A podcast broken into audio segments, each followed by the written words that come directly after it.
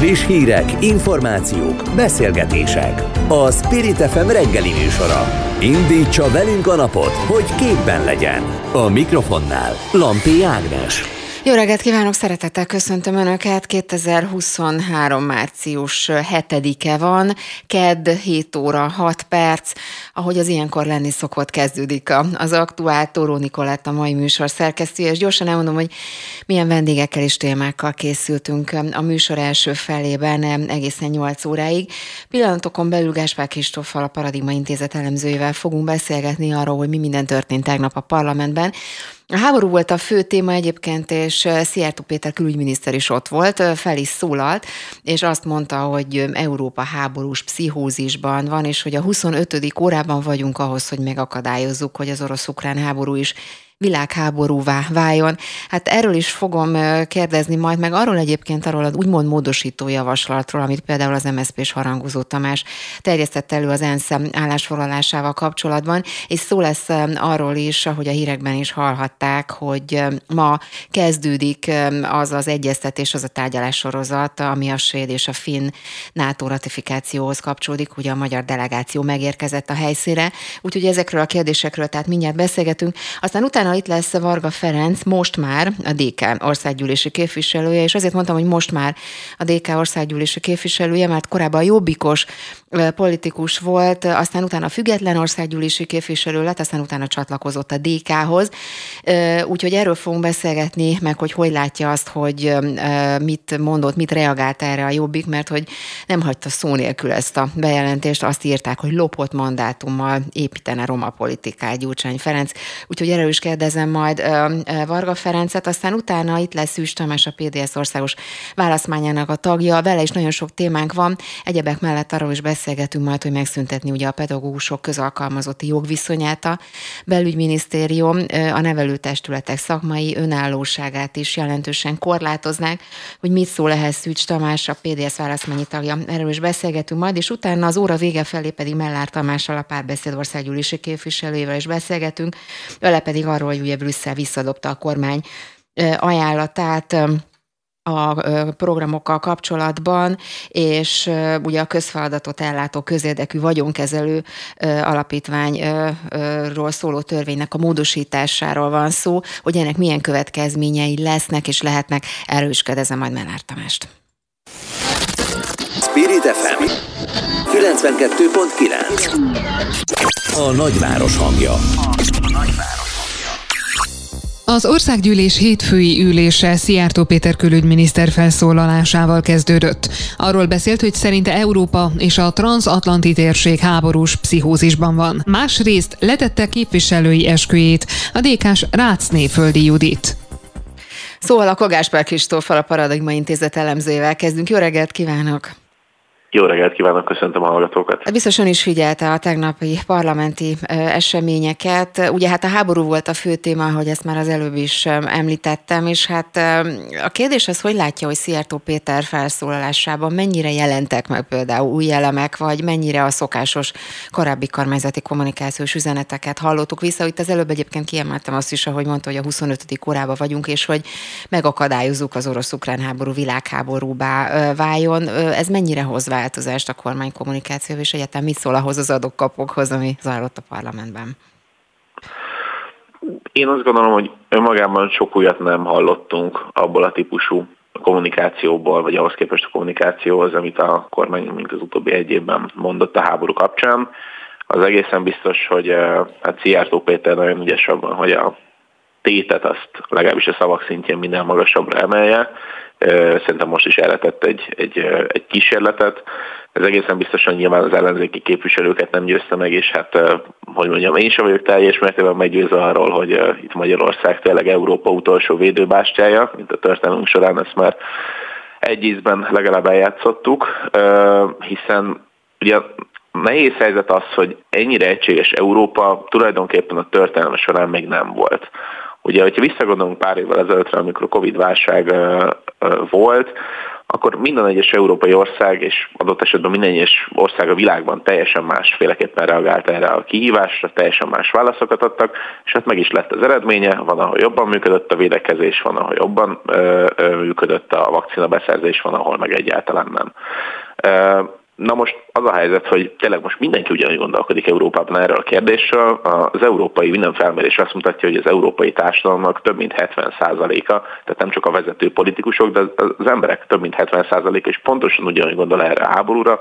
Oroszország megtámadta Ukrajnát, egy orosz agresszió van, és abban, ebben a küzdelemben Ukrajnát támogatni kell, hiszen Európa érdeke, hogy legyen egy független és, és szuverén Ukrajna így ebből a szempontból nyilván nehéz Krisziátó Péter szavait is másképpen venni, mint hogy hát Magyarország ismételten, vagy hát a magyar kormány ismételten valamilyen különállóságra és valami egyedi álláspontra törekszik.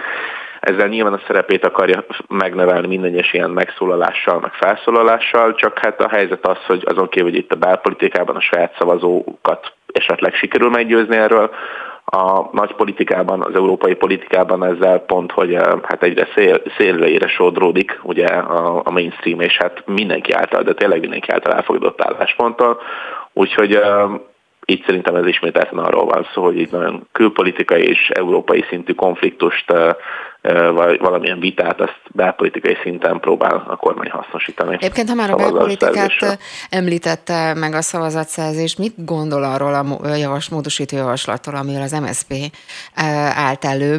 Ugye ezt nyújtották be egy javaslatot a, a, a, ehhez a bizonyos békepárti határozathoz, ugye, mint a Fidesz-KDNP nyújtott be, ugye azt szeretnék, arról az enszállásfoglalásról van szó, aminek egyébként az egyik előterjesztő éppen Szijjártó Péter volt, és amit meg is szavazott a magyar kormány, ugye erről beszélt harangozó Tamás, az MSZP politikusa, és azt mondta, hogy ha ugyanezt behozzák, amit az ENSZ közgyűlése javasoltak, akkor nagy örömmel támogatják ezt a bizonyos javaslatot, és ugye ez az ENSZ állásfoglalás kiállt ukrán területi szuverenitása mellett.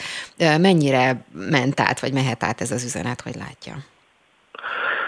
Nyilván azért a parlamenti eszközök az, azok eléggé korlátozottak, főleg, hogyha az ellenzéki pártokról van szó.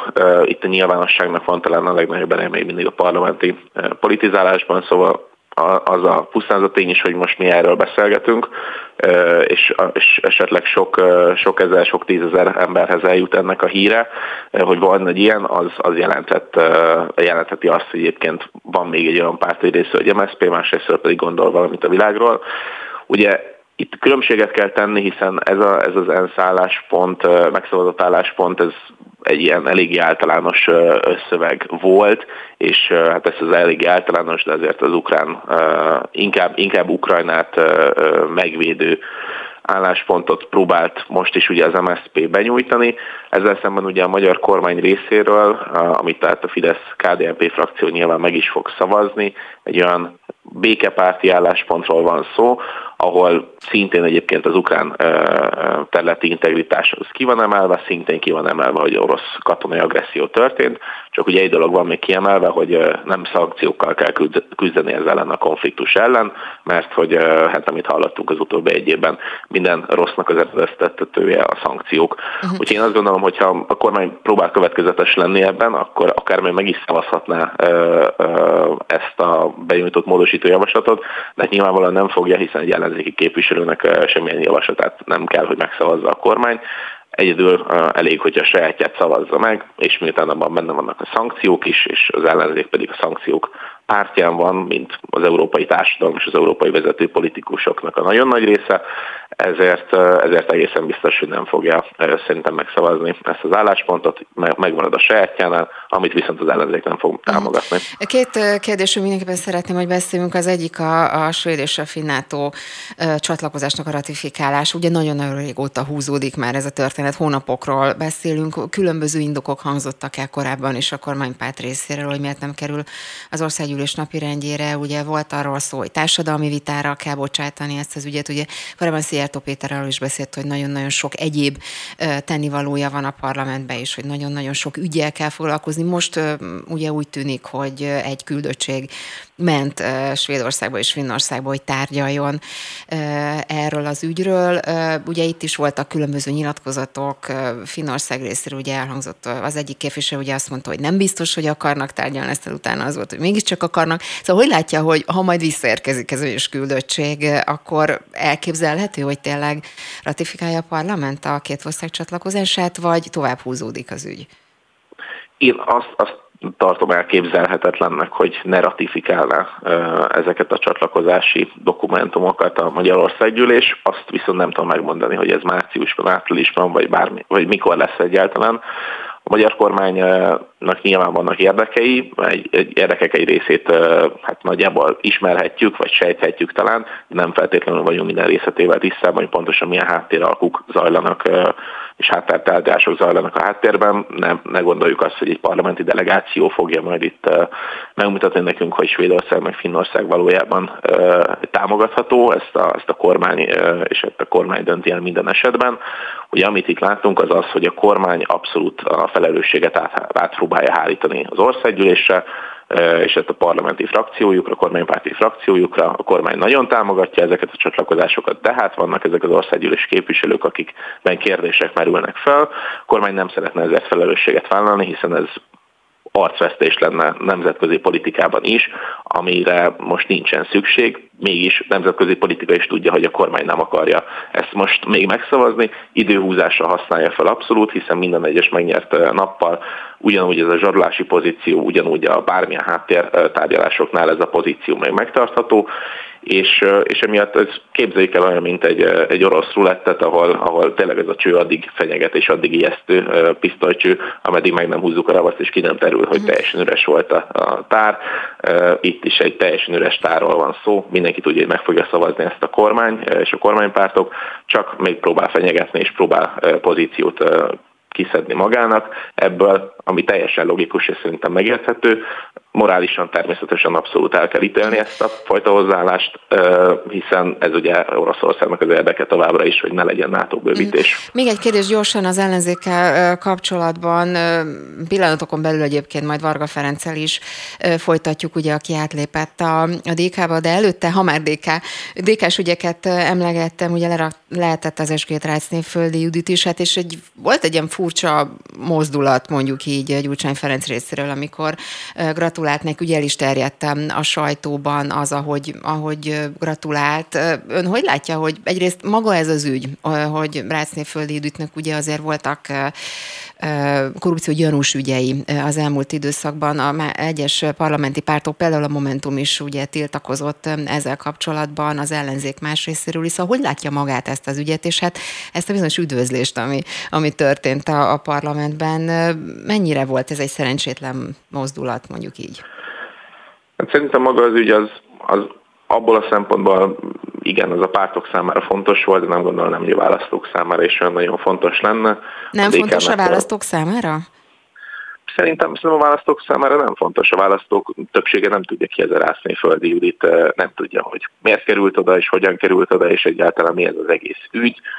Én, én azt gondolom, hogy ez egy kisebb nyilvánosságot kapó ügy. Mi persze sokat foglalkoztunk ezzel, meg tudunk róla, de, de egy átlagválasztónak fogalma sincs erről a dologról, és főleg úgy, hogy egy ellenzéken belül korrupció gyanúsan, vagy esetleg valami más törvénytelenségben résztvevő hölgyről van szó, és valójában én nem vett részt törvénytelenségben, hogyha igazak az információk, egyszerűen csak az ellenzéki előválasztáson belüli valamilyen etikai papírt aláírt, pedig nem kellett volna aláírnia. Na mindegy, lényeg, hogy bonyolult ez az ügy, főleg akkor, amikor a nyilvánosság tele van mondjuk egy Vajnár Sandor ügyel, ami hát, hogy mondjam, egy kicsit nagyobb volumenű, és azért szerintem inkább erről beszélnek, hogyha korrupcióról beszélnek most az emberek, és szerintem nem egy olyan nagyon fontos ügy ez, és főleg úgy, hogy hát a DK kósárpecsétet adott Lácné Földi Julitra, és én azt gondolom, hogy jelenlegi erőviszonyok között és dinamikában, hogy a DK valamit tesz, akár egy ilyen parlamenti eszközzel is, akkor,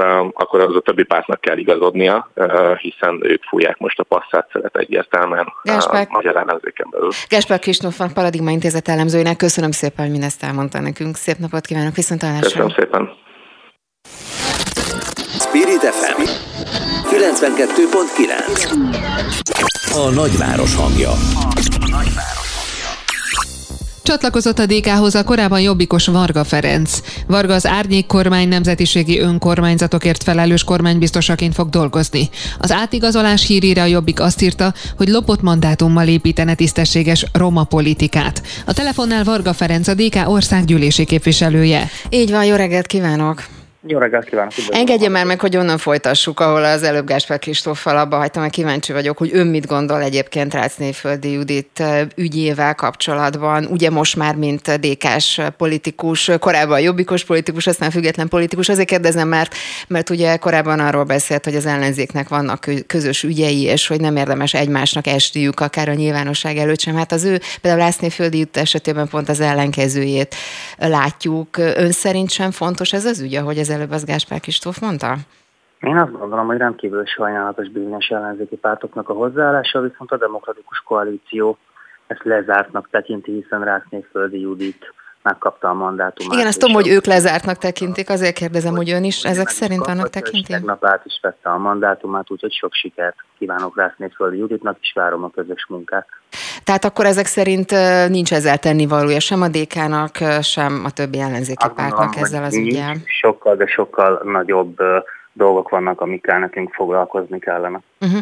Na akkor nézzük az ön ö, átigazolását. Tegnap néztem, ugye itt jártam az egyenes beszédben, és ö, elmondta ö, az érveit ellen, ellenérveit azzal kapcsolatban, hogy, ö, hogy hogyan kellene az ellenzéknek együttműködni, és ugye kérdezték öntől, hogy miért, miért a DK, és én is ezt kérdezném, hogy miért a DK, mert ott nem adott teljesen egyértelmű választ, tehát nem is látott más alternatívát más ellenzéki pártoknál? Pedig én igyekeztem rendkívül egyértelmű választ adni. Ugye akkor, amikor én eljöttem a Jobbikból, akkor megfogalmaztam azokat az indokokat, hogy ezt miért teszem, nem pártakként miért hagyom ott azt a frakciót, és hogy ugye közös listán bejutva a parlamentbe miért gondoltam úgy, hogy, hogy nekem váltanom kell. Független képviselőként, meg már előtte a Jobbikban is nekem egy cél lebegett a szemem előtt, ami, ami nem más volt, mint hogy, hogy nem más még a mai napig, mint hogy a nemzetiségi önkormányzatok rendszerében egyfajta megtisztulást hozzak. Ebben a rendszerben, bár rendkívül kevés szó esik róla a médiában, néha hallunk egy-egy botrányról, de úgy nagyon sok mindenről megfelelkezünk. És ebben a rendszerben rengeteg probléma van, és én szeretném, hogyha ez a rendszer jobb lenne, jobbá lehetne tenni, és arra lehetne használni, hogyha csak egy kis mértékben is, de hozzátegyünk a felzárkóztatáshoz. Igen. Nyilvánvalóan, nyilvánvalóan független képviselőként ez a parlamenten kívül eső rendszer, tehát ez egy országos roma önkormányzati rendszer, egy megyei és egy helyi nemzetiségi önkormányzati rendszerről beszélünk. És úgy éreztem ebben a helyzetben, hogy nem tudom így megfelelően kihasználni a mandátumomat, a parlamenti mandátumomat, és miért ne kamatoztathatnám azt a tudást, amit én megszereztem egy nemzetiségi önkormányzat vezetőjeként mindössze 19 éves korom óta, egy, egy olyan párban, aki valóban maga is tenni akar. A kérdés igen, valóban az, amire ön is céloz az előbb, hogy, hogy nem is az a kérdés, hogy, hogy, hogy egy párban szerette volna folytatni, hogy miért a DK-ban, és miért gondolta azt, hogy a DK az, amelyik amire, erre célzott. Tehát miért nem a Momentum, a párbeszéd, vagy bármelyik másik ellenzék? Azért, mert a parlamentbe frissen bekerülve azt láttam, hogy egyetlen egy olyan párt van, aki a körülötte lévő dolgokkal foglalkozik, és nem magával, és ez pedig a demokratikus koalíció volt. Tehát azt láttam, hogy áprilisban bekerülünk a parlamentbe, jön egy hatalmas megélhetési, egy szociális válság, és minden párt azzal van elfoglalva, hogy éppen a másikat piszkálja, vagy, vagy azzal, hogy, hogy az önös érdekeit próbálja megképviselni, vagy a saját dolgaival foglalkozzon. És ehhez képest a DK-ban pedig azt láttam, hogy létrehoznak egy árnyékkormányt, egy nagyon komoly szakértői csapatot gyűjtenek maguk mögé, és elindul a munka, és elindul a munka abban, hogy, hogy próbáljunk meg ezekre a kérdésekre válaszokat adni. Számomra egyébként az a szomorú, hogy nyilvánvalóan egy kudarcos választás van mögöttünk. Viszont azért kaptunk mi szavazatokat. Tehát vannak ebben az országban olyan emberek, akik közös ellenzéki listára szavaztak. És a bizalmukat szerintem meg kell szolgálni, függetlenül attól is, hogy ez a bizalom sajnos nem volt elég arra, hogy kormányváltás legyen. De most pedig van egy kiszámíthatatlan helyzet az országban. Hát szerintem családok százezrei megélhetési válsággal küzdenek. Elvárnák azt, hogy legyenek annyira talpra esettek az ellenzéki pártok, hogy legalább profitálni tudjanak abból, hogy most a kormányunk valamilyen mértékben ugye veszít a támogatást. Engedje meg, hogy picit visszatérjek még az ön ügyére, mert a Jobbiknak a nyilatkozatára mindenképpen szeretnék rákérdezni, és tudom, hogy tegnap is szó volt erről az interjújában, mert igen erőteljesen fogalmazott a Jobbik, és ugye a kérdés mások számára is felvetődött, és azért próbáltam én is ezt, hogy miért a DK választotta, mert a Jobbikból a DK-ba menni azért az nem annyira jellemző még, még az ellenzéki pártok közötti mozgások esetében sem. Ez így van, és kívülről ez talán furcsának is tűnhet, de hogyha valaki mögé néz a dolgoknak, akkor én biztos vagyok benne, hogy ezt meg fogja érteni. Ugye én egy közös ellenzéki listán kerültem be a parlamentbe, soha nem voltam a jobbikkal egyébként még csak kapcsolatban sem a, az előtt, a mögöttünk álló választások kampánya előtt, és én a közös listán egy közös ellenzéki programmal találkoztam, aminek olyan programelemei voltak, hogy például fel kell számolni az országban a szegregált oktatást. Én ezeket a programelemeket egyértelműen magamévá tudtam tenni. Ezt követően pedig, amikor bekerültem a parlamentbe és beültem a Jobbik frakciójába, és elkezdtem foglalkozni azokkal az ügyekkel, amelyeket fontosnak tartottam, nem láttam jobbikos programot.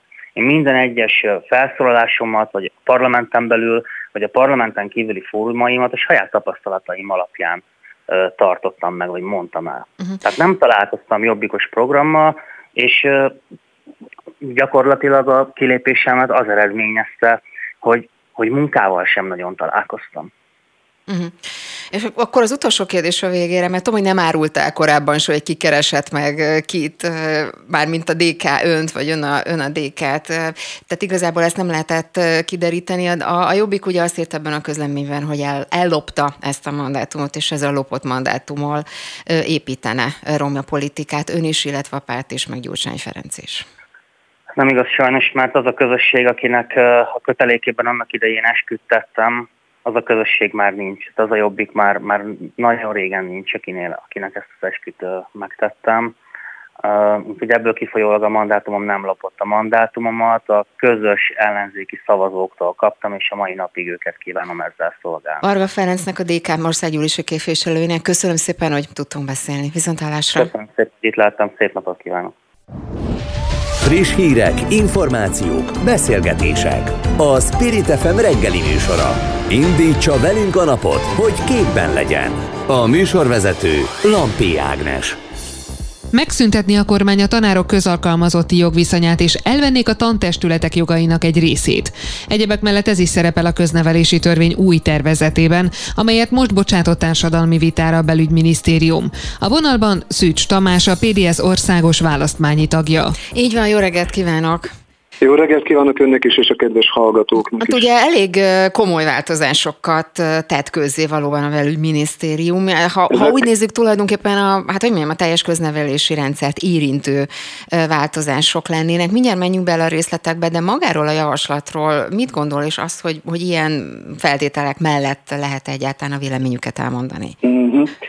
Azt gondolom, hogy diktatúra kompatibilis, hiszen a 60-as, 70-es évek világába viszi vissza a magyar közoktatást úgy szakmai autonómiáját, illetve, mint munkajogi részeit, illetve brutális, ami készül, annak a szalámi taktikának a része, ahogy az utóbbi időben a kormány felszeletelte a, a közszolgálatot, és mindig összekötötte egy bizonyos béremelési számmal, amelyet jól elhintett a kommunikációjában, és közben a társadalom azt gondolta minden rendben, valójában egy folyamatos jogfosztásról lehet szó, és csak záró mondatként az első etapnak úgy hangzik a beterjesztett státusjavaslat, hogy 2023. évi törvény a köznevelésben foglalkoztatottak jogállásáról.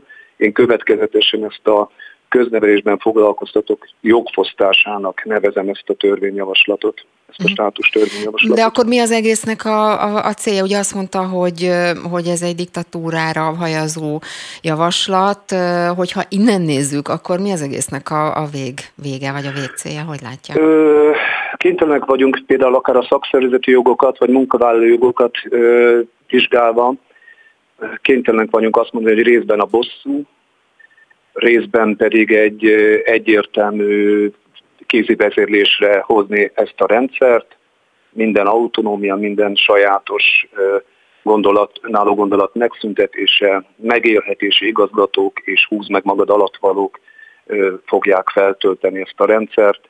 Én azt gondolom, hogy tényleg, és tényleg régóta ismerjük egymást, hogy lát, látta a tevékenységemet. Én, aki az a típus vagyok, hogy ide lőjetek, most abszolút ingázom a között, hogy ide lőjetek, vagy elhúzom a csíkot végleg innen. Tehát egyszerűen, egyszerűen nem, nem tudom kifejezni szinte szavakban, és bocsánat a hallgatót, hogy lassan már érzelmi síkra terelem, de botrányos, ami készül, nagyon botrányos. Uh-huh. Az egyébként, hogy ugye ez a bizonyos jogviszony megváltozna, és a, ugye a közalkalmazotti jogviszony helyett egy ilyen újfajta jogállást vezetnének be a pedagógusok számára, ez ennek az egésznek a része, és ez konkrétan milyen változás jelent majd a, a tanárok számára? Ez konkrétan azt írna, hogy a közalkalmazotti jogviszonyból ugye kiesik az egész rendszer, és jó pár a közalkalmazottisággal jár, mint már sokakat kiszerveztek, sok ágazatot, jó pár közalkalmazottisággal járó ö, szabályt azt már nem tudunk érvényesíteni. Gondolok ilyenre, hogy hogy a jubileumi jutalomrendszere átalakul, ami nem lesz olyan kedvező, a nők 40 átalakul, nem lesz olyan kedvező, a felmentési idő, ami 8 hónap a, a közalkalmazottak jogállása szerint 60 napra csökken, tehát elképesztően nagy konkrét hátrányok is fogják érni a pedagógusokat, ám a legfájóbb valóban az autonómiának a megvonása. Azért azt talán mindenki megérti, hogy a rendszerváltás idején a nevelőtestület vált a legfontosabb szakmai döntéshozó szervi egy iskolában, olyannyira, hogy akkor még az igazgatókat is a nevelőtestület választott egy rövid időre, aztán a politika minden része kapcsolt, hogy ez nem lesz jó, hogy miért azt gondolom ki tudják találni, most pedig olyan dolgokat is visszavesznek a nevelőtestülettől, hogy pedagógiai program, éves munkaterv megszavazása, magyarán tényleg a teljes autonómia, teljes jogvesztés felé viszik a rendszert, és engedje meg, hogy hadd idézzek az EPOF-os pályázatból, hiszen az is meglehetősen súnyi, hogy az EPOS, EPO pályázatnak a pénzével próbálják legalizálni, mindezt tudatosan összemosva ezeket a dolgokat azt a 80%-os ugye, béremelésről beszélek, és azért hadd mondjam, hogy milyen feltételeket, sőt idézem, hogy milyen feltételekhez kötötte volna ezt az Európai Unió. A kormány és a parlament nem fog egy oldalon bevezetni a pedagógusok munkaterheit növelő, a meglévő szakmai autonómiát korlátozó, vagy a szakma vonzereit csökkentő szabályokat. Ilyen intézkedésekre kizárólag a legnagyobb pedagógus szakszervezetekkel folytatok érdemi társadalmi párbeszéd alapján különösen a szerzett jogok tekintetében konszenzusra törekedve kerülhet sor. Hát kaptunk most egy tervezetet, amiből semmit nem tudtunk előre megbeszélni.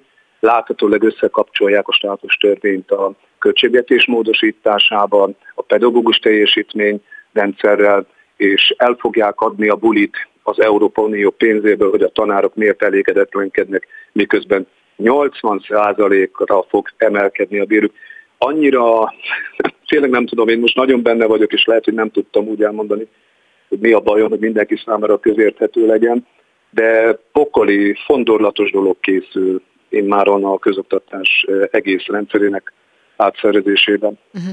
Az egyébként, hogy például a tanároknak mondjuk a, a technikai hát eszközeit is valamilyen szinten megnézhetik, ellenőrizhetik ezt. Hogy látja, mert ez, ez is egy új, új elem, amire talán nem Igen. lehet számítani. Sőt, azt is, ami nem, a, nem a, az állam tulajdona, tehát a saját gépével dolgozik, akkor is beléphet ebbe a történetbe.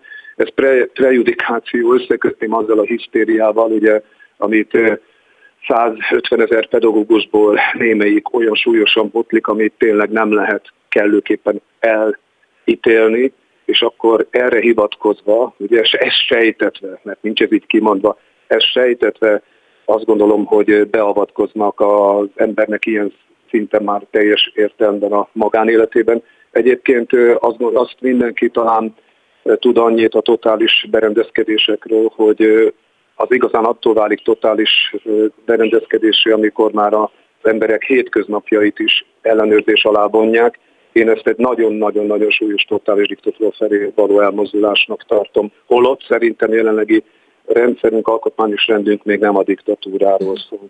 Miért nem lázadnak vagy sztrájkolnak a, a tanárok egy picit, talán egységesebben vagy nagyobb erőt felmutatva? Ugye ez, ez Annyi pozitívat tudok mondani, hogy most annyira súlyosnak ítéli meg a szakma egész ezt a történetet, ezt a merényletet, hogy egyértelműen úgy tűnik, hogy soha korábban ennél nagyobb összezárási szándékot nem láttam semmilyen ügyben.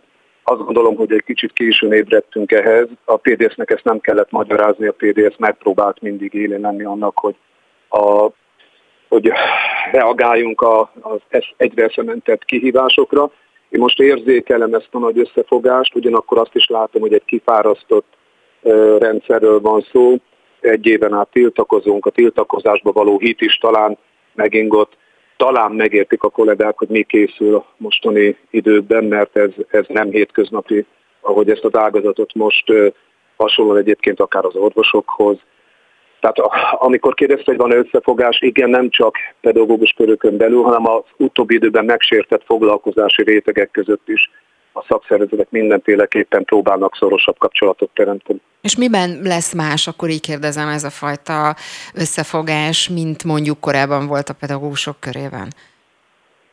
Én azt gondolom, hogy nem, nem lesz ritka egy olyan eh, megmozdulás, ahol ezek a foglalkozási ágak együtt fognak most már megjelenni, tehát és nem csak úgy szolidaritási üzeneteket adnak egymásnak. Én merem remélni, hogy egy ilyen próba lesz majd március 14-15-i rendezvény, a sugárutat ugye elfoglalva, és miénk lesz.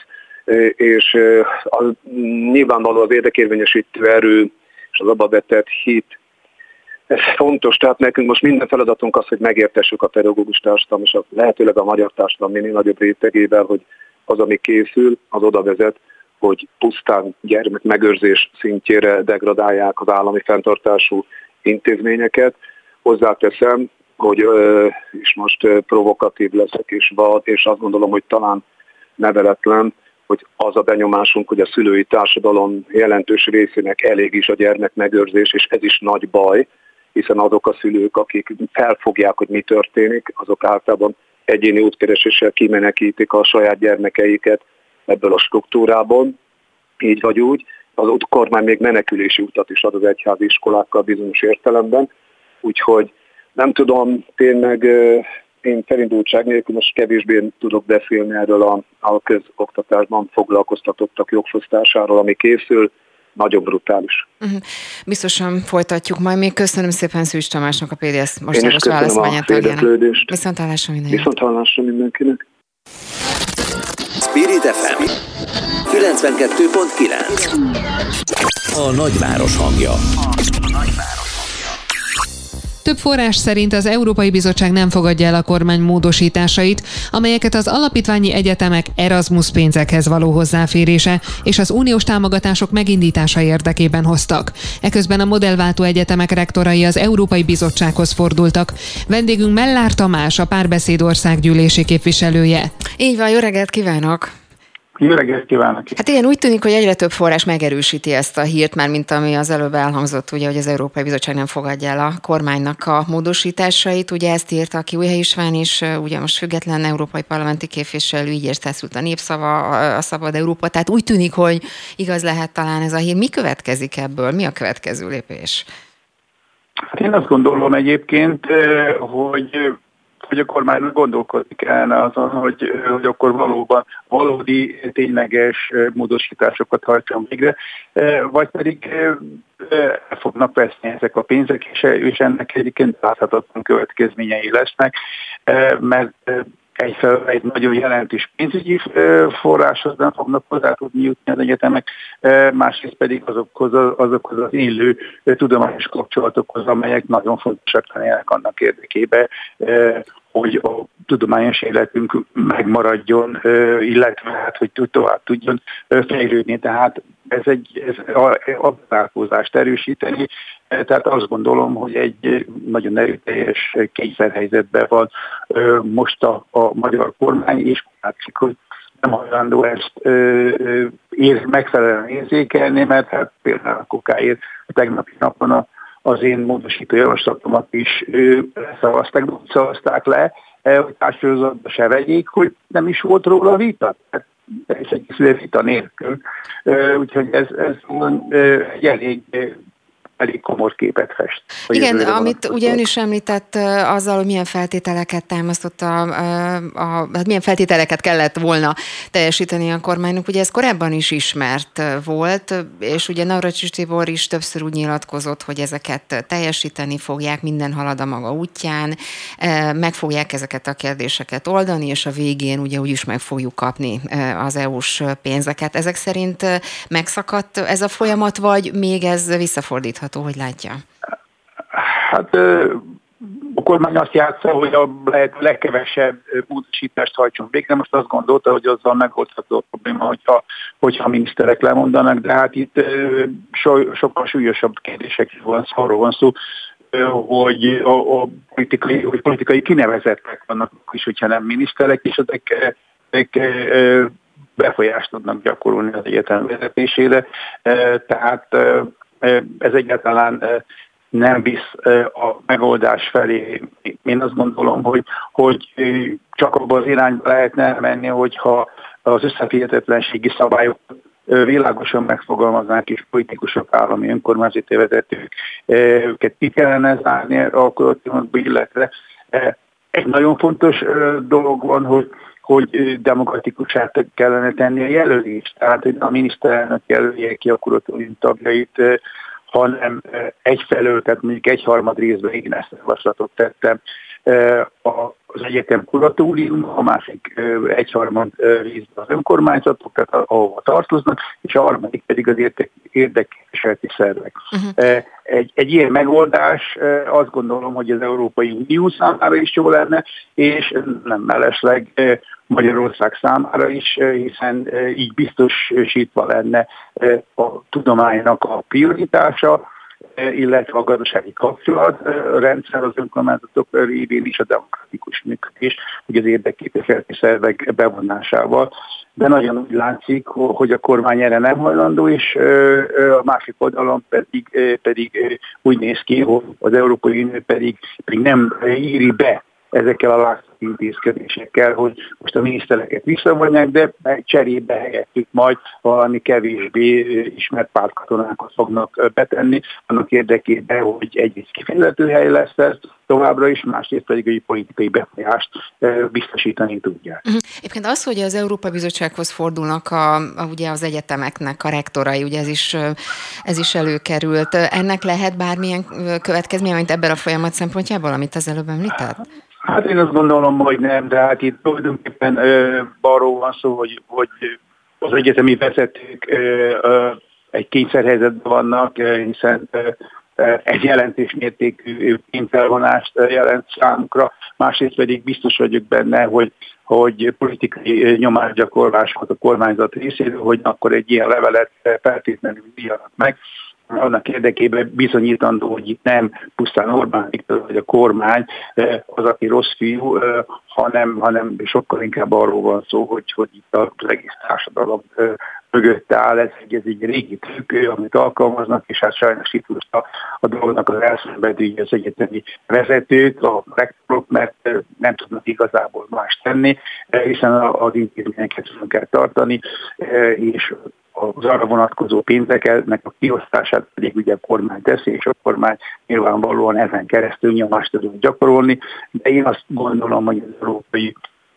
Bizottság ezt megfelelően fogja tudni értékelni, és, és nem hiszem, hogy ennek a levélnek a hatására meg fogja változtatni a döntését, hanem továbbiakban is ki fog állni amellett, hogy, hogy valóban biztosuljon a, a tudományos szabadság és a demokratikus működés az egyetemeknél. Egy picit hadd kérdezzem már ehhez kapcsolódóan és az EU-s pénzekhez kapcsolódóan gazdasági ö, témákról is, illetve a kormány gazdasági intézkedéseiről. Itt elsősorban az inflációra gondolok, és ha már az uniós pénzekről beszéltünk, akkor hagyj idézzem ehhez Raskó Györgyöt, ugye a Agrár közgazdászról van szó, és azt mondta, hogy Orbán Viktor az inflációs áfával pótolja a kieső uniós pénzeket. Ebből osztogat, és ebből szilárdítja meg a hatalmát. Ezt mennyire látja így helyesnek? Mások is egyébként osztják ezt a gondolatot, csak azért, mert például az áfa, áfa ügy, hát nagyon régóta téma már, ugye önök is ezzel kapcsolatban több javaslatot előterjesztettek. Igen, hát én is úgy látom egyébként, hogy, hogy a kormány nem tud egyszerre, és nyilvánvalóan ebből következően nem is akar egyszerre két célt megvalósítani, ugye egyrészt szükség lenne egy gazdasági növekedésre, amelyhez élénkítés kellene, és másfelől pedig, pedig egy antiinflációs politikára, hiszen hát magasságú 26 százalék körül van az infláció, és ebbe a, a, a dilemmába a kormány úgy dönt, hogy, to, hogy továbbra is akar tartani egy bizonyos szintű gazdasági növekedést, ami azt jelenti, hogy nem fogja szintítani a következőkbe lényegesen a fiskális politikát, vagyis a, a költségvetési részét a dolognak, és ebből következően az infláció továbbra is magas lesz. Ennek, az, ennek a magas inflációnak az az előnye egyébként a kormány számára, hogy a inflációs adó formájába von be pénzeket, vagyis nominálisan ugyan tehát évlegesen kiáramlanak a pénzek, de ezeknek a reál értéke az egyre kevesebb és kevesebb lesz. Azt gondolja a kormányzat, hogy így kevésbé veszik majd észre az emberek azt, hogy tulajdonképpen egy jelentős megszorítás van. Ugyanakkor pedig ugye egyre inkább eladósodik a kormányzat, és egy adós helyzetben a minél magasabb infláció, az tulajdonképpen kedvezőnek hat az adósságra, mert az adósságnak a reálértéke az, az csökken. Ugye jól látható, hogy az adósság GDP hányadós, növekszik igazából azért, mert, mert maga a nominális GDP az jelentősen nő, de ez nem azt jelenti, hogy többet tudunk fogyasztani, hanem, hanem sokkal inkább keveset. Tehát sajnálatos módon az az üzenete ennek a mostani költségvetésnek, hogy, a, hogy az infláció velünk fog maradni, még pedig viszonylag hosszabb idő keresztül. Mhm. Tehát akkor ez egyfajta megszorít társ tulajdonképpen, amit ezen keresztül a kormány tesz? Mert ugye azt látjuk, hogy a fogyasztás ugye már igen jelentősen csökkent a KSH adatai szerint is. Hát teljesen egyértelmű ez, mert, mert, mert nyilvánvalóan hiányzik, hiányzik a többletforrás. Ugye többletforrás lehetne a gazdaságból szerezni, tehát egy olyan gazdasági rendszerünk van, amelyik valójában nem hatékony, nem versenyképes nemzetközi fronton. Az elmúlt években úgy tudott fönnmaradni, és, és, és úgy lehetett 4-5 százalékos gazdasági növekedést végrehajtani, hogy jelentős mennyiségű Európai Uniós forrás jött be.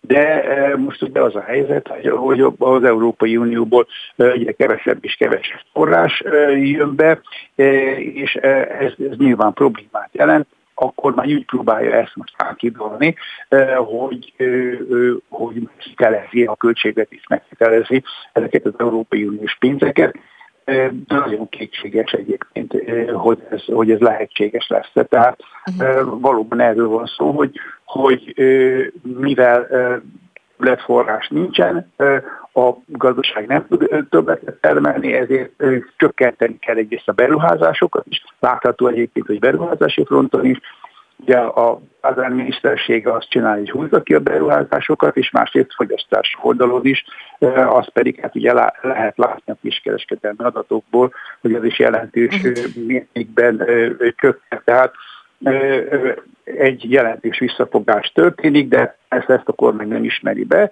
egyfelől, másfelől pedig, pedig próbálja magával az inflációval ezt, ezt, ezt elrejteni, mert az infláció emelkedése az, amelyik tulajdonképpen uh-huh. a kereseteknek reál értékét megnyilválja. De ez egyébként egy nagyon szíves fegyver, mert így egy árbér spirál fog kialakulni, illetve hát azokat, akik, akiknek alacsony a jövedelme, vagy, vagy, vagy nem tud úgy növekedni, mondok itt elsősorban nyugdíjasokra, rájuk fog állni sokkal nagyobb teher. Mellár Tamásnak a párbeszéd országgyűlési képviselőnek köszönöm szépen a, az elemzést és a háttéren információkat. Köszönöm szépen ennek viszontlátásra. Én is köszönöm szépen a lehetőséget, viszontlátásra. Friss hírek, információk, beszélgetések. A Spirit FM reggeli műsora. Indítsa velünk a napot, hogy képben legyen. A mikrofonnál Lampi Ágnes. Jó reggelt kívánok, köszöntöm Önöket, 8 óra 6 perc van, folytatódik már is az aktuál Toró Nikolát, a műsor szerkesztője, és hát izgalmas, érdekes témák lesznek a műsor második felében. Gyorsan el is, el is mondom, hogy milyen témákkal készültünk. Pillanatokon belül Fejfer Tamással a Postások Független Érdekvédelmi Szövetségének elnökével beszélgetek majd, mert hogy néhány nappal ezelőtt a hétvégén több száz postást tüntetett egyébként a Gazdaságfejlesztési Minisztérium előtt a dolgozók átadtak egy petíciót is egyébként, amit Nagy Márton miniszternek címeztek, és hát ugye visszamenőleg infláció követő bérfejlesztés és hosszabb távú bérfelzálkoztatási programot szeretnének, hogy mire van esés, hogyan kívánják ezt elérni. Erről fogunk már is beszélgetni. Aztán utána egy érdekes kutatásról, amit Somogyi Zoltán szociológus kezdeményezett, azt kérdezte egy kutatásban, hogy vajon a magyarok többsége szerint a hatalmon lévők azt csinálnak-e, amit akarnak, és hát nagyon érdekes eredmények születtek, tulajdonképpen a többség azt mondta, hogy igen, részleteket majd Somogyi Zoltánnal beszéljük meg, aztán utána beszélünk a hazai szállópor szennyezésről is Simon Gergelyel a Greenpeace vegyi anyag szakértőlével, mert úgy fogalmaztak, hogy nagyon sok, akár több millió magyar egészségét is károsíthatja a hazai szállópor szennyezés, mindez attól függ egyébként, hogy hol él az ország melyik részén, és utána fogunk beszélgetni egy jótékonysági akcióról is, meg arról, hogy mi segíthet, mitől lehet sikeres egy jótékonysági akció. Spirit FM 92.9 A nagyváros hangja. A nagyváros. Több száz postás tüntetett a gazdaságfejlesztési minisztérium előtt szombat délelőtt. Január 1-től visszamenőleg infláció követő bérfejlesztést, hosszabb távú bérfelzárkóztatási programot és a munkáltató munkavállaló közötti egyeztetéseket kérik. A telefonnál Fejfer Tamás, a Postások Független Értekvédelmi Szövetségének elnöke. Így van, jó reggelt kívánok! Jó reggelt kívánok! Kezdjük akkor az anyagiakkal, hogy hogyan képzelik ezt el, mekkora összegről beszélünk, és kaptak-e bármilyen visszajelzést egyébként? Visszajelzést a mai pillanatig nem kaptunk. Nagyon bízom benne, hogy a tulajdonosi jogot képviselő miniszter úr komolyan fogja venni kérésünket, és egyrészt bevon bennünket is a bértárgyalásokba, a stratégia hosszabb távú megvitatásába, illetve ami a legfontosabb, hogy a három éves megállapodást aláíró két szakszervezet a munkáltatóval olyan egyességre jutna, ami nyugvópontra helyezné a jelenlegi helyzetet. Azt gondolom, hogy teljesen áldatlan a helyzet, hogyha az idei évben mindössze azok a kollégák kaptak alapbéremelést, akik ráálltak a garantált bérre. Sajnos ők nagyon sokan vannak, 12.200-an. Uh-huh. Beszéljünk akkor a részletekről, hogy hogyan képzelik ezt el, és mekkora összegről. Szóval hogyan gondolják ezt, hogyan, egyrészt hogyan tudják érvényesíteni az érdekeiket, ez a fő kérdés. Azért kérdezem azt, mert nagyon sok ágazat küzd hasonló problémákkal, mint egyébként önök. Ebbe teljesen igaza van. Ugye itt is úgy gondoljuk, hogy a Magyar Posta egy teljesen egyéni, speciális helyzetben van. Ugye van ez a tiltott állami támogatás, ami miatt direkt juttatást a tulajdonos nem tud, illetve egy korlátozott mértékben tud nyújtani a bérfejlesztéshez, de ugye azt is látjuk, hogy a, a MÁV csoportán már sikeres megállapodás született, illetve az MVM is saját forrásból végre tudta hajtani a bérfejlesztést. Az alapvető probléma, hogy a Magyar Postának nagy valószínűség szerint nincs saját erejéből annyi forrása, amiből az elvárható, és ugye itt sokan számokat kérnek, itt nem feltétlenül lehet azt mondani, ugye azt tudjuk, hogy milyen mértékű az infláció, bízunk benne, hogy ez év végére csökkenni fog, de a postások keresete alapvetően el van maradva, tehát én azt gondolom, hogy egy 20%-nyi bérfejlesztés az nagyon indokolt lenne, az egy másik kérdés, hogy mekkora a munkáltatónak a teherbíró képessége, és hogy mennyit tud realizálni. Erre, erre egyébként kaptak bármilyen, hát milyen támpontot, már mint a munkáltatótól, arra, amire az előbb az egyetem milyen lehetőségei vannak? Hát az az egyik alapvető problémánk, ugye, hogy ez régebbi történet Igen. volt három évvel ezelőtt egy, egy hasonló jellegű demonstráció, ott az összes posta érdekképviselet részt vett. Ennek a, a hozadéka volt, hogy megszületett egy három éves bérmegállapodás, ami összességében 15%-os keresetfejlesztést biztosított a munkavállalóknak. Na most annak idején a demonstrációt szervező két szakszervezet, a, a mi szövetségünk, illetve a kézbesítők szakszervezete pont azért nem írta alá három éves megállapodást, mert egyrészt teljesen bizonytalan volt, hogy három évvel később mi fog történni. Ugye az alap megállapodásban erre az évre a Magyar Postánál 2%-os alapérfejlesztés szerepelt. Ugye a jelenlegi a gazdasági helyzet, az infláció felgyorsulása, az ezt teljesen komolytalanná teszi, hogy azt kell mondjam, és ezért kezdeményeztük annak idején, évelején, hogy, an, hogy ha nem is voltunk aláírói a bérmegállapodásnak, úgy gondoljuk, hogy a munkavállalók teljes körére vonatkozóan bérfejlesztést kell végrehajtani. Ezt kezdeményeztük a munkáltatónál, de a mi két szervezetünkkel érdemben nem tárgyal a munkáltató. Uh-huh.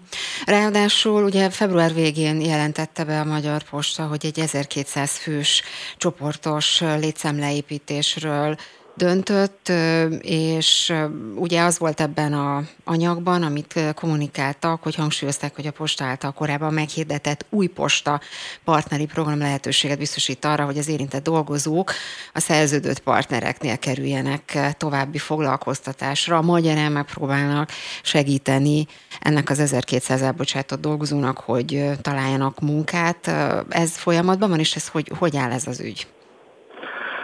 Ez is egy nagyon nagy problémánk, hogy a médiából értesültünk első kézből erről a, a bejelentésről, tehát a médiában hamarabb megjelent a, a hírnek a Már bejelentése. maga a csoportos létszámleépítés A csoportos maga? létszámleépítés, tehát ugye a mai világban, hogyha egy hír legalábbis egy ilyen nagy horderejű hír napvilágot lát, akkor pillanatok alatt elterjedt, tehát gyakorlatilag átveszi a, a, a mindenfajta lehetőséget a kollégák megragadnak arra, hogy, hogy a híreket továbbítsák a hivatalos postai internetes oldalra azután került föl, de jellemző a, a munkáltató jelenlegi kommunikációja hogy a szakszervezetünk hivatalosan tájékoztatást a mai napig nem, nem kapott erről a, az eseményről, tehát arról nem tudok beszámolni önnek, hogy, hogy az 1200 fő az konkrétan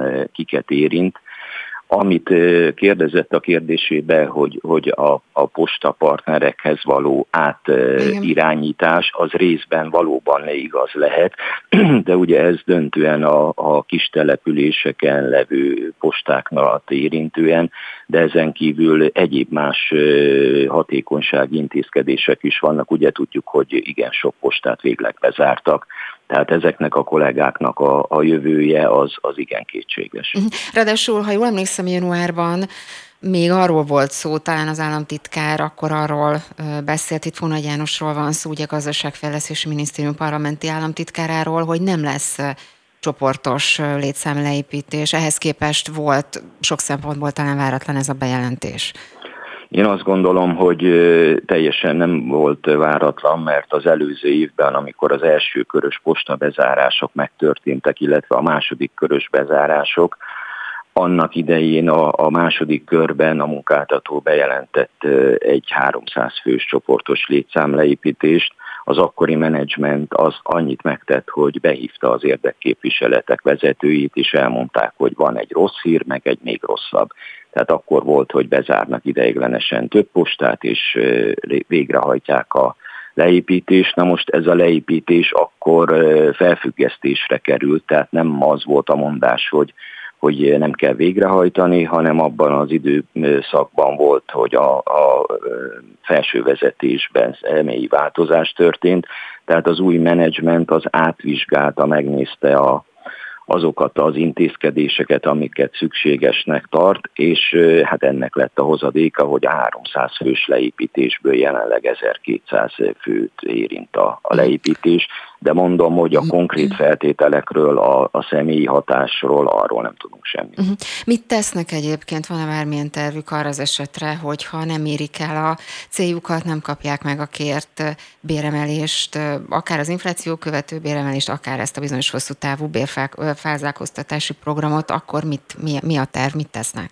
Hát én azt gondolom, hogy a, a párbeszéd az a legszükségesebb dolog, mert azt teljesen elfogadhatatlannak tartjuk, hogyha nem is írtuk alá három éves megállapodást, de a, az élet ugye fölülírta ezt a megállapodást, illetve a munkavállalók nagyobb csoportját érintő kérdésekről le kell ülni a tárgyalóasztalhoz. Tehát, tehát nem kelveznek szeret... sztrájkot, munkabeszüntetés, semmi Hát na most ezt is tudni kell, mert nagyon sokan megkérdezik, hogy miért demonstráltunk.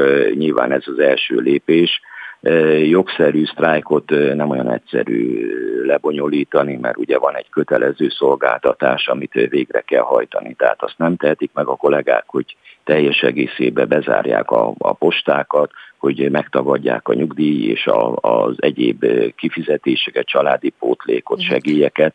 Tehát nagyon korlátozott a, a jogszabály szerint a, a sztrájknak a lehetősége. Az a másik kérdés, hogy ugye a Magyar Posta egy szolgáltató vállalat, tehát hogyha mi sztrájkolnánk, akkor gyakorlatilag a, a, az ügyfeleinkkel, a lakossággal tennénk rosszat, tehát ezt nagyon meg kell fontolni, nem, nem feltétlenül a, a, a sztrájk a, a lehetőség, én azt gondolom, annak ellenére menni kell, tovább harcolni kell, mondom a párbeszéd az, ami a legfontosabb. Fel... Hogyha ez nem valósul meg, akkor én azt gondolom, hogy egyre nagyobb számú is sokasodó tiltakozásra lehet számítani. Felfer Tamásnak a Postások Független Érdekvédelmi Szövetségének elnökét hallották. Köszönöm önnek, viszontlátásra. Én köszönöm, hogy megkeresett, szép napot kívánok. Spirit FM 92.9 A nagyváros hangja. Az országos reprezentatív közvéleménykutatás szerint a magyarok döntő többsége úgy gondolja, hogy a hatalmon lévők bármit megtehetnek, írja a hvg.hu. Mint írták, a Fidesz szavazói, mintha mindenki mástól eltérő világban élnének ebben a kérdésben. A részletekről a szerző Csomogyi Zoltán, szociológust, a Political Capital társalapítóját kérdezzük. Így van, jó reggelt kívánok! Jó reggelt, Jó reggelt kívánok. mert hogy a HVG-n ugye ön írta ezt, a, ezt az anyagot, meg ön kezdeményezte ugye ezt a, a kutatást is, és azt olvasom a, a cikknek az elején, ugye úgy veszette fel, hogy kik azok, akik ebben az országban úgy gondolják, hogy a hatalom, hatalmon lévőknek tartaniuk kell tettei következmény, és kik tartoznak Fidesz Magyarországhoz, kik azok, akik nem. Szóval számtalan nagyon érdekes kérdés, és hát nézzük, az a, nézzük a, az eredményeket, mert talán azok a legfontosabbak, hogy úgy tűnik, hogy tényleg úgy gondoljuk, hogy a hatalmon lévők bármit megtehetnek. Hát igen, a bevezetőnek annyit, hogy ez egy ilyen vegyes cikk volt olyan szempontból, hogy az én értékszemléletemet is tartalmaztam, meg azt gondoltam, hogy érdemes megkérdezni, egy rájelentkezni egy közvéleménykutatásra, és feltenni azt a kérdést ugye a magyar választóknak, hogy mit gondolnak, hogy a hatalom egyetértenek azzal az állítással, hogy a, a hatalomban levők azok bármit megtehetnek. Ugye a bármit az azt jelenti, hogy következmények nélkül tehetik a dolgukat, ami azért egy érdekes kérdés, mert a polgári társadalomban, meg amikor 89-90-ben a rendszerváltáskor arra ébredtünk, hogy ki lehet alakítani egy ilyen szabad demokratikus világot, az nyilvánvaló, hogy arra kellett, kellene, hogy épüljön, hogy mindenki kontroll alatt tartott, senki nem teheti meg azt, hogy a törvények felett áll, a törvényekre mindenki vonatkozik, illetve az igazságszolgáltatás mindenkivel szemben áll. Az a kérdés, hogy mit gondolnak erről a magyar választók, és amikor ezt a kérdést egy ezerfős országos reprezentatív kutatáson feltettem, akkor feljelentkeztem egy úgynevezett omnibus kutatásra, akkor abból az következett, hogy a, a választóknak a döntő többsége, a véleményformáló, valamilyen irányba a véleményformáló választóknak a 71%-a azt gondolja, hogy a, ma, ma Magyarországon a hatalomban levők bármit megtehetnek, ami egy nagyon-nagyon súlyos, erős adat. Minden társadalmi csoportban többségben volt az, hogy a hatalomban levők bármit megtehetnek, kivéve egyet, a Fidesz szavazóinál ez teljesen fordítva volt, tehát ott közel 70% gondolja azt, hogy nem tehetnek meg bármit alkalmon levők.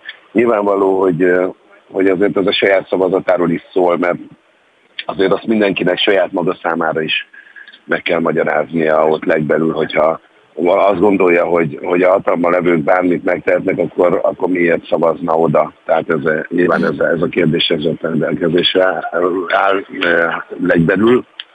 Ami viszont érdekes, hogy, hogy mondjuk ha azokat a csoportokat nézzük, amelyeknél gyengébb volt az, az azért, még akkor is, hogyha többséget kapott, de gyengébb volt az azért, hogy a, hogy a hatalma levők mindent megtehetnek, és erősödött az, hogy nem tehetnek meg mindent, tehát amelyik mondjuk a Fidesz szavazóihoz legközelebb lévő álláspont, az minden tekintetben egy államtól erősen függő ö, csoportot hozott ki. Tehát az 50-nél idősebbek, a nyugdíj miatt függnek nyilván ezért a 8, legfeljebb 8 általános iskolai osztályt végzetteknél nagyon sok állami függés kimutatható, havi 150 ezer forintnál kisebb jövedelmi háztartásoknál ugye nem kell mondanom, a nyugdíjasoknál, az inaktív keresőknél és a biztosan nem szavazóknál. Na most ez azt jelenti, hogyha így végigveszünk a, ezt a logikát, hogy a hatalomnak nem is feltétlenül érdeke, hogy ez a helyzeten változtasson, sőt, adott esetben érdeke, hogy minél több államfüggő polgára legyen, mert, a, mert akkor,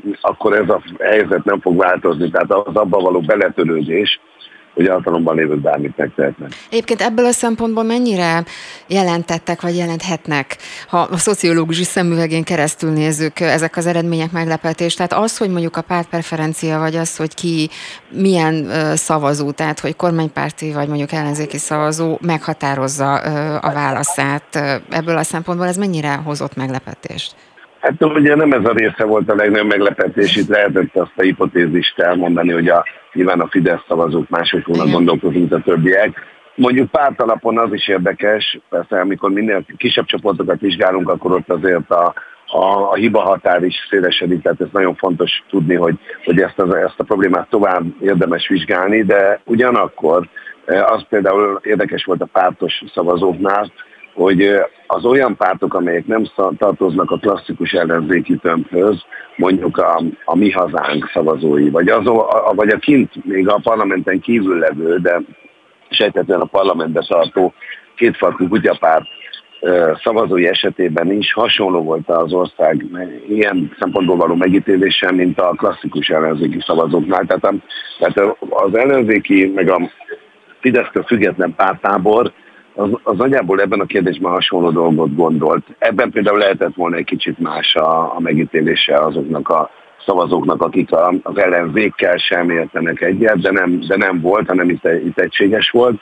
Ami még fontos eh, elmondani, és ez, ez, is, ez is nyilván ezek mind, mind tovább vizsgálandó problémák lehetnek, ha valaki jobban érdekel, vagy akar ezzel foglalkozni, hogy a, a fiatalok, tehát a 18-29 év közöttieknek a 75%-a mondta azt, hogy a ma hatalomban lévők bármit megtehetnek, és ahogy idősödik a, ez a korcsoport, ugye egyre kevesebben, és ez, ez kezd átfordulni a nyugdíjasoknál, idősebbeknél. Tehát, hogy, a, hogy ebből a szempontból pessimistában vagy rossz kedvűben a fiatalok látják a dolgokat, és ez, ez azért érdekes, mert hogyha mondjuk egy kormány, amelyik gondolkozott a Gyere Haza Fiatal programban egy-két évig, aztán ez a program megbukott és visszavonta a programot, de ha gondolkozik azon, hogy hú, hát tényleg nem lenne rossz itthon látni a fiatalokat, akkor, akkor ezt is nézni kéne az ilyen adatot, mert ezek az adatok mutatják, hogy nagyon nehéz fiatal embereket,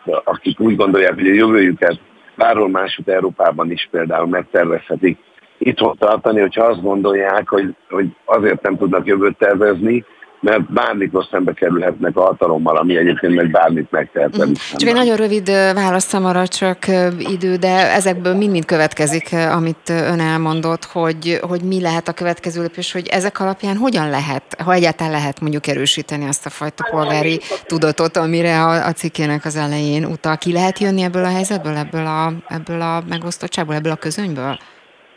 Egyrészt nyilván ez egy komolyabb probléma, és itt két percben nem fogom tudni kifejteni, hogy mi mindent kellene meg lehetne tenni. A, mindenki a maga módján léphet ebben a dologban, tehát a saját viselkedésünket kell megvizsgálni, érdemes megvizsgálni, hogy mi mennyire merünk, akarunk viselkedni polgárként, én a magam részéről annyit tudtam ehhez hozzátenni, hogy megcsináltam ezt a kutatást például. De beszélni fogunk még akkor róla, ezt ígérem. Somogyi Zoltán szociológusnak köszönöm szépen. Szép reggelt, szép napot, viszontlátásra. Friss hírek, információk, beszélgetések. A Spirit FM reggeli műsora. Indítsa velünk a napot, hogy képben legyen. A műsorvezető Lampi Ágnes. Budapesten kiugróan magas a levegőben lévő nitrogéndioxid mennyisége, amely a klímára és az egészségre egyaránt káros. A légszennyező anyag kibocsátása 2022-ben Budapesten már április 25-én átlépte az éves határértéket. A helyzetről Simon Gergelyel, a Greenpeace vegyi anyag szakértőjével beszélgetünk. Aki már itt van velünk, jó reggelt kívánok! Jó reggelt kívánok! Hát valóban ugye önnel is, meg más helyzetekben is sokat beszélgettünk már arról, hogy egyre súlyosabb ez a helyzet, és minden alkalommal ön elmondja, hogy tényleg nagyon-nagyon súlyos, és most éppen néztem az adatokat, hogy tényleg egyre rosszabbak, és nagyon-nagyon sok magyar egészségét károsítja, vagy károsíthatja a, a szennyezettség. Ezek szerint nem fordult meg a tendencia, és nem is várható, hogy megfordul? Azért a romlásról szerintem nem lehet beszélni, inkább nincs érdemi javulás ne látszik, hogy a trendek sok szempontból nem biztos, hogy nekünk dolgoznak, és lehet, hogy az, a új adatok az idei térről még akár romlást is mutatnak. Ugye a légszennyevésnek két fő forrása van, az egyéni fűtés és a, a közlekedés jellemzően ezen belül is a dízel járművek. És ugye a fűtésben láthatóan ugye a rezsicsökkentésnek a korlátozása miatt a nagy házakat sokan nem tudják már máshogy kifűteni, mint tényleg szeméttel, vagy valamilyen egész rossz más minőségű fűtőanyaggal, fahulladékkal. És az a se változik, hogy Nyugat-Európából importálják az onnan már régóta kitiltott régi szennyező dízeljárműveket. Ez drasztikus a növekedés az elmúlt mondjuk 20 éves távlatban. 15 százalék volt a kos dízel arányról, 30 százalék fölé nőtt a dízeljárművek aránya, és nagyon sokan tényleg egy, egy plusz egy dízelautót, még egy régi dízelautót beszereztek és ezeknek a szennyezése ugye folyamatosan jelen van a városainkban. A részecske szennyezést, amiről nagyon sokat beszéltük, az döntően a fűtést, míg a, a nitrogén oxid szennyezést pedig a dízeljárművek okozzák. Uh-huh. Ugye ezek szerint nagyon-nagyon függ ebből a szempontból a, a szennyezettség mértéke az, hogy ki mondjuk az ország melyik területén él. Ugye itt elhangzott az, hogy Budapesten jóval súlyosabb a helyzet, mint mondjuk az ország többi részében. Ez talán evidenciának hangzik, de az ember számokat vagy az adatokat nézi, hát Budapest esetében ezek a számok tényleg kiugróak. Ugye Budapesten a legnagyobb a forgalom. Hogyha a fűtési légszennyevést nézzük, akkor azért az a Észak-Magyarországon és Sajó völgyében talán rosszabb, mint Budapesten. Ott emiatt nagyobb is a életvesztés, míg a Budapesten mind a két fajta légszennyevés. Kapunk, mert részecske is nagyon sokszor van határérték fölött, és a nitrogénoxid szennyezettség is. Ugye a kettőből együtt, ha nézzük, hogy milyen életvesztés lehet, akkor ez egy ilyen 12 ezer ember évent, ami nagyon jelentős szám, ennyi magyar hal meg idő előtt a rossz levegő miatt, és nyilván tényleg akkor van nagyobb esélyünk arra, hogy ez érintsen minket, hogyha ha kifejezetten a szennyevett területeken élünk, ami valóban Budapest és környéke, de sok más magyar nagyváros, mint mondjuk Nyíregyháza, Pécs, időnként Debrecen, illetve tényleg az egész Észak-Magyarország, Észak-Kelet-Magyarországi régió. És hát tudjuk, hogy tényleg a szív- és rendszeri megbetegedések, daganatos megbetegedések, légúti megbetegedések, de akár az elhízás, depresszió, hormonális megbetegedések is mind összefüggésben vannak bizonyítottan a, a rossz levegővel és hát látjuk, hogy érdemi intézkedés nem történik. Nagyon-nagyon sokszor eh, szakmai szervezetek előveszik, hogy, hogy, hogy annak ellenére, hogy körülbelül tudjuk, hogy mit lehetne tenni a rossz levegő leküzdésére. Magyarországon tényleg nincs átfogó program arra, hogy, hogy, hogy megszűnjön a, a, a tüzelés, oszcillált tüzelőanyagokkal, illetve mindenhova korlátozás nélkül továbbra is be lehet hajtani régi szennyező járművekkel. Ugye a nyugat-európai nagyvárosok nagy részében már évek óta nem lehet a legrégebbi legszennyezőbb járművekkel egyáltalán behajtani. Egyébként ilyen ígéretet Budapest vezetésétől is kaptunk, de ez se valósult meg a mai napig. Igen, erről mi is már korábban is beszélgettünk sokszor, hogy ezek az intézkedéseket, vagy ezek az intézkedések nem igazán valósulnak meg, amelynek hát nyilván az az eredménye, hogy tényleg egyre súlyosabb a helyzet, egyre nagyobbak az eltérések. Mi történik akkor? Akkor így kérdezem, hogy mi történik akkor, hogyha ezeket az intézkedéseket, amelyeket egyébként önök már régóta szorgalmaznak, mondjuk nem fognak meg, vagy nem történnek meg a közeljövőben sem? Hát ugyanez marad, Magyarország gyakorlatilag a legrosszabb levegőjű régió közé fog tartozni Európában. Most is ugye elmúlt években mindig a első egy-két-három országban voltunk Európából a legmagasabb a légszínyevetlenség miatti életvesztés, semmi, semmi nem mutatja, hogy ez változott, ez a trend, és tényleg nem látszik, hogy kijelölve lennének célok. Mi azt kértük még 3-4 éve, hogy legalább mondják ki, hogy mondjuk 2025-től nem lehet mondjuk euró 1-2-es 3-as dízelekkel behajtani. A városba, és akkor az emberek felkészülnek, nem vesznek ilyen járművet, esetleg van valami program, hogy segítsük az ilyen embereket lecserélni az autójukat, vagy, vagy, vagy, vagy valamilyen módon a tömeg, mondjuk kantonyának tömegközlekedésbe lehetett fel ilyen intézkedések voltak sok nyugat-európai országban, és akkor van egy felkészülési idő, illetve hogy ne mondjuk ész nélkül minden építkezésre szórja a pénzt az állam, hanem kifejezetten csak energiahatékonyság intézkedésre és hűtés korszeresítésre. Tehát láthatóan kellene egy koncepció a mögé, hogy küzdjenek a légszínlépés ellen, pedig tudjuk, hogy az embereket zavarja a rossz levegő. Tehát ez, ez, ez ismert, hogy, hogy, a, hogy tényleg problémák közül messze a légszínlépetség, ami leginkább zavarja a magyar embereket. De láthatóan a egy-két kommunikációs panelen kívül érdemi intézkedést semmelyikból senki nem akar ebbe igazából foganosítani, mert nyilván részben az emberek ugye maguk felelősek a légszennyezésért, tehát eszközöket kéne nekik adni és segíteni őket abba, hogy ne szennyezzük a levegőt. Uh-huh. Még egy utolsó kérdés akkor a végére. Itt uh, ugye elég sok szó esett most az akkumulátor gyárak uh, kapcsán ezekről a környezetvédelmi kérdésekről is. Ön hogy látja, hogy például uh, ez a helyzet, ami mondjuk akár Debrecenben vagy, vagy az ország más területén ezzel kapcsolatban kapcsolatban kialakult, ez mennyire, mennyire a jó irány, vagy mennyire, ugye eléggé megosztja a szakembereket is. Nagyon fogas kérdés, nyilván hogy egyelőre Magyarország tervezi Európa ötödét ellátni levegőszennyezés, eh, bocsánat, eh, eh, akkumulátorokkal, Igen. autóakkumulátorokkal, ami azt jelenti, hogy mi egy 10 milliós ország akar majd 100 millió ember számára akkumulátort gyártani, ami irreális, és nagyon sok, ennyit nem bír el az ország, és ez lokálisan nyilván szennyezéssel fog járni, megnő a tehergépjármű forgalom, kibocsátása van a levegőben, káros anyagokból ezeknek a gyáraknak valamilyen mértékben, tehát minden zajjal jár, tehát mindenképpen helyi szinten valamilyen mértékű romlást fog okozni. Tehát mi azt látjuk a Greenpeace részéről, hogy ennyi akkumulátorgyártó kapacitást egyszerűen nem bír el az ország, kellenek akkumulátorok, kellenek elektromos járművek, talán nem annyi elektromos jármű, mint amennyi most jelenleg benzines és dízelből hanem mondjuk autómegosztás, modern tömegközlekedés és egyéb mondjuk kerékpározás feltételeinek a javulása kéne, hogy ne kelljen mindenkinek autóval menni, és hát, hogy mondjam, sokkal arányosabban kellene az akkumulátorokat gyártani az egész világon, hogy ne egy ország környezetét terhelje ilyen mértékben, mint amit most Magyarországra terveznek. Hát azt hiszem, hogy jó pár kérdés következik abból, amit most mondott, és biztos, hogy szó lesz még erről, de minden esetre most köszönöm szépen Simon Gergelynek, a Greenpeace vegyanak, szakértőjének, hogy ezekről a kérdésekről tudtunk beszélni. Viszontállásra! Viszontállásra! Spirit FM 92.9 A nagyváros hangja. Folytatódik a tavalyi sikeres Flutfine kampány. A jótékonysági gyűjtést a 2021-es németországi árvíz után indították a borvidék károsultjai számára. Most elkészült a folytatás, hogy mitől működhet jól egy adománygyűjtő kampány, arról Koller Dániellel, a White Rabbit marketing szakértőjével beszélgetünk. Aki már itt van velünk a telefonban. Jó reggelt kívánok! Jó reggelt kívánok! Hello! Ugye tényleg sikeres volt nagyon ez a jótékonysági kampány, és valóban adja magát a kérdés, hogy mi az, ami mondjuk egy ilyen típusú kampányt sikeresé vagy sikeresebbé tehet, mert általában a pozitív eredményekről szoktak beszámolni a szakemberek, de ez a kampány ez valóban kiemelkedően sikeres. Szóval mi a titok ebből a szempontból? Hát igazság szerint olyasmi titok nincsen, nincsen is.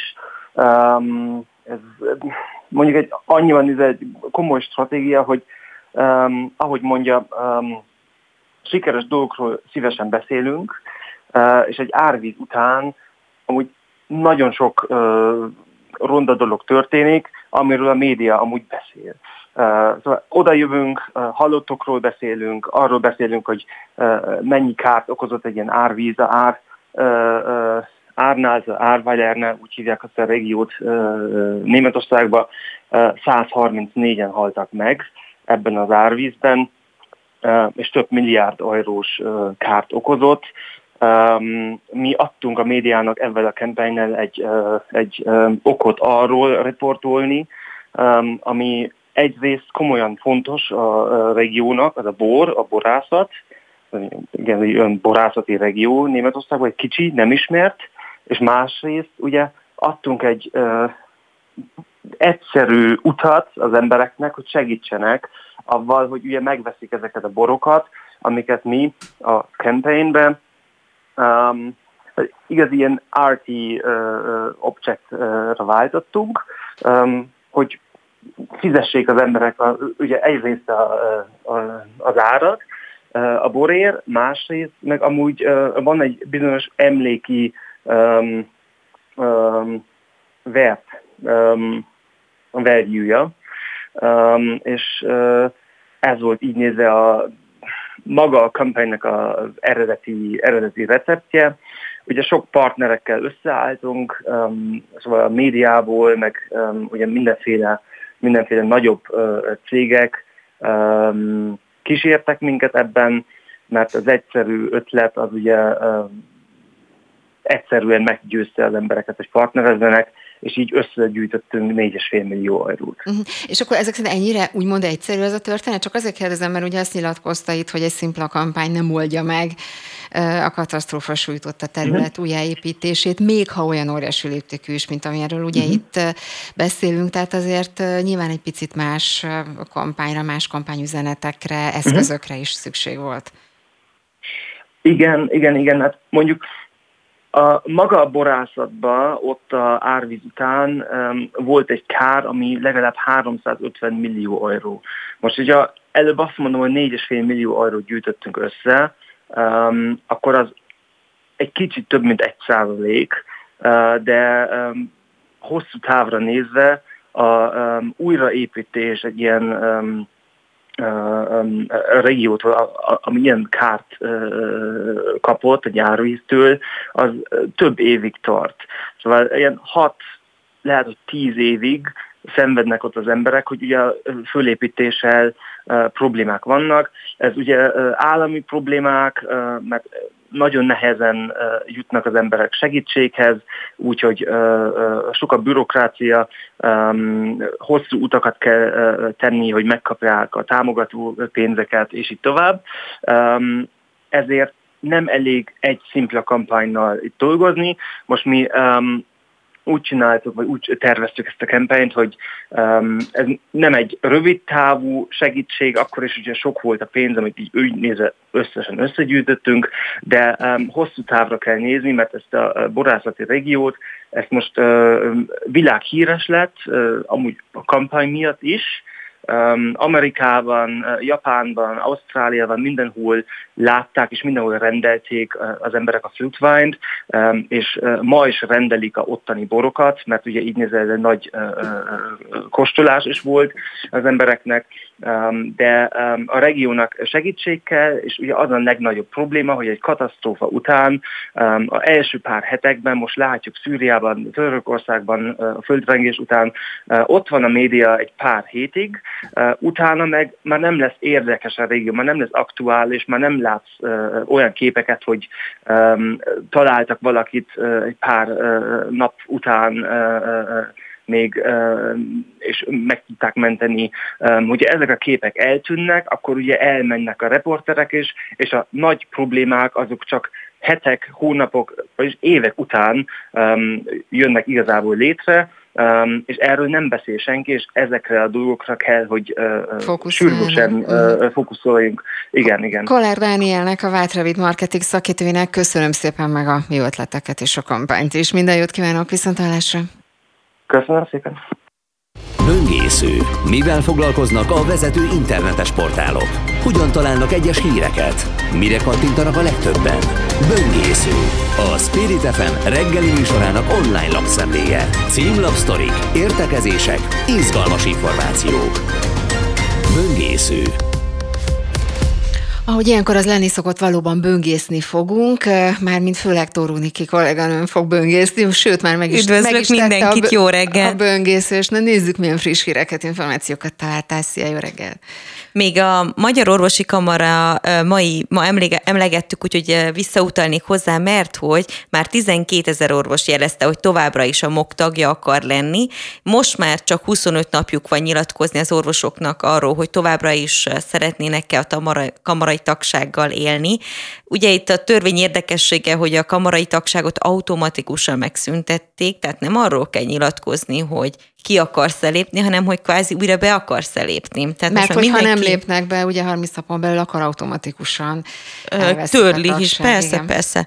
És Kincses Gyula elnök azt mondta, hogy itt nem anyagi érdekről van szó, a tagság nem anyagi érdekkel jár, hanem inkább az önbecsülés miatt érdemes bent maradni, úgyhogy folyamatosan ezt majd figyeljük, hogy hányra duzzad az orvosok, a kamarai orvosok száma, tőlem meg kicsit kevésbé szokat, megszokott, hogy sporthíreket hozok. Most... Sejtem, sejtem. Na, de Na, mond, mond, mond. Eleve kedvelem a kézilabdát, úgyhogy egy kicsit megnézegettem, hogy mi van most a kézilabda világában. Kocsis Máté bejelentette, hogy I és Ferencet látná szívesen utódjaként.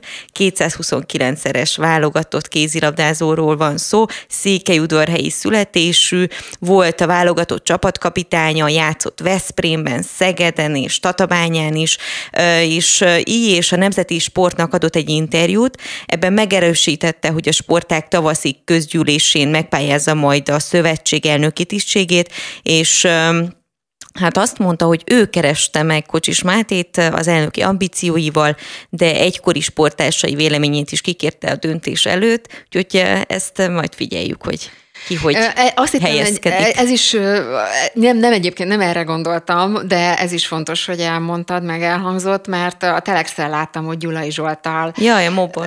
Igen, igen, készült egy beszélgetés, és nagyon érdekes dolgokat mondott sporttal, sportfinanszírozással, sportdiplomáciával kapcsolatban. Azt emelték ki itt a gondolatai közül, hogy számonkérés kell a magyar sportba, de nem annak, de annak nem a közvélemény előtt kellene zajlania. Ugye kajakos múltáról, az, hogy mi hogyan sikerült végül is eredményeket elérnie a, a sportban, hát nagyon-nagyon érdekes, anyag, ez az anyag, azért gondoltam, hogy ez is érdemes.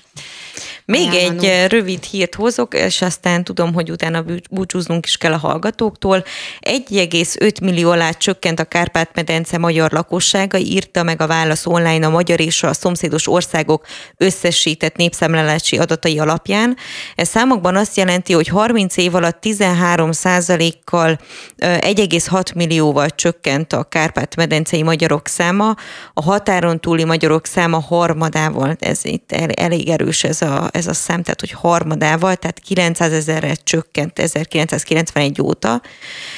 A KSA ugye nemrég jelentette meg a népszámlálás előzetes adatait, ebből kiderült, hogy a lakosság több mint 300, a magyar belföldi lakosság 300 ezerre csökkent, és a Magyarországon élő külföldiek miatt ugye a magyarok száma 9,6 milliónál is kevesebb, de a KS egyelőre nem közölt részletes adatokat. A magyarországi lakosság csökkenést egyébként évtizedeken keresztül elfette az, hogy a határon túli magyarok folyamatosan áramoltak be az országba. Ennek most jó részt vége, szakad, vége szakadhat, mivel az erdélyek, kárpátaljaiak fő célországa már nem Magyarország. Erről írnak. Köszönöm szépen a híreket, információkat, a friss híreket, meg a böngészést is, Tóró Nikolettnek, meg a mai műsor szerkesztését is. Köszönöm Kátai Kristófnak szokás szerint a technikai segítséget is, köszönöm önöknek pedig a figyelmet. Holnap szokás szerint reggel 7 órakor újra lesz aktuál, én pedig már köszönöm szépen a figyelmüket, Lampi Ágnes hallották.